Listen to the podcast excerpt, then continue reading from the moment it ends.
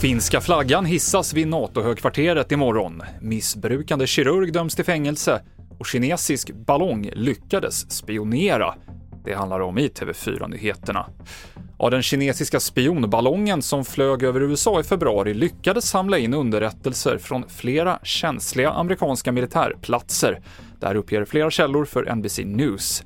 Kina har upprepade gånger sagt att ballongen var ett obemannat civilt luftskepp som av misstag kom ur kurs och att USA överreagerade genom att skjuta ner den. Imorgon så blir Finland NATOs 31 medlemsland och den finska flaggan kommer att hissas vid försvarsalliansens högkvarter i Bryssel.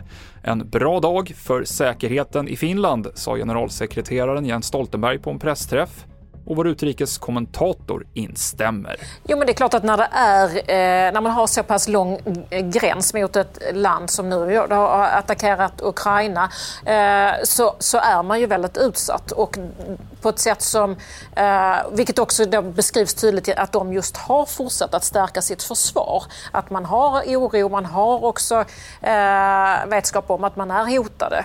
Eh, så det är klart att för dem har ju säkert oron varit betydligt större när man då väl eh, bad om att bli medlem för, i Nato än kanske det för de svenska, åtminstone de svenska medborgarna. Det sa Therese Kristiansson. En heroinmissbrukande kirurg och hans flickvän i Skåne döms till fängelse i flera år, rapporterar SVT. Deras missbruk uppdagades när polisen gjorde tillslag mot en lägenhet i Lund och stora mängder heroin hittades. Kirurgen har sagt i förhör att han rökte varje dag och sjukhuset har gjort en IVO-anmälan. Och den tre meter höga bronsskulpturen av Zlatan Ibrahimovic är reparerad efter vandaliseringen och väntar på ny plats, men den kommer fortsatt att vara magasinerad i flera år. Anledningen är att det inte finns någon plats i Malmö där statyn kan stå säker och synlig under lång tid, rapporterar Sydsvenskan. Fler nyheter hittar du på tv4.se. Jag heter Mikael Klintevall.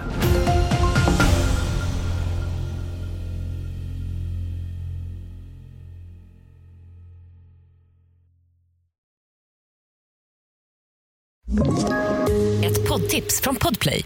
I podden Något Kaiko garanterar östgötarna Brutti och jag, Davva, dig en stor dos skratt.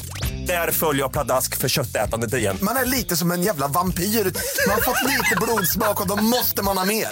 Udda spaningar, fängslande anekdoter och en och annan arg rant. Jag måste ha mitt kaffe på morgonen för annars är jag ingen trevlig människa. Då är du ingen trevlig människa, punkt. Något Kaiko, hör du på Podplay. Därför är gardinerna.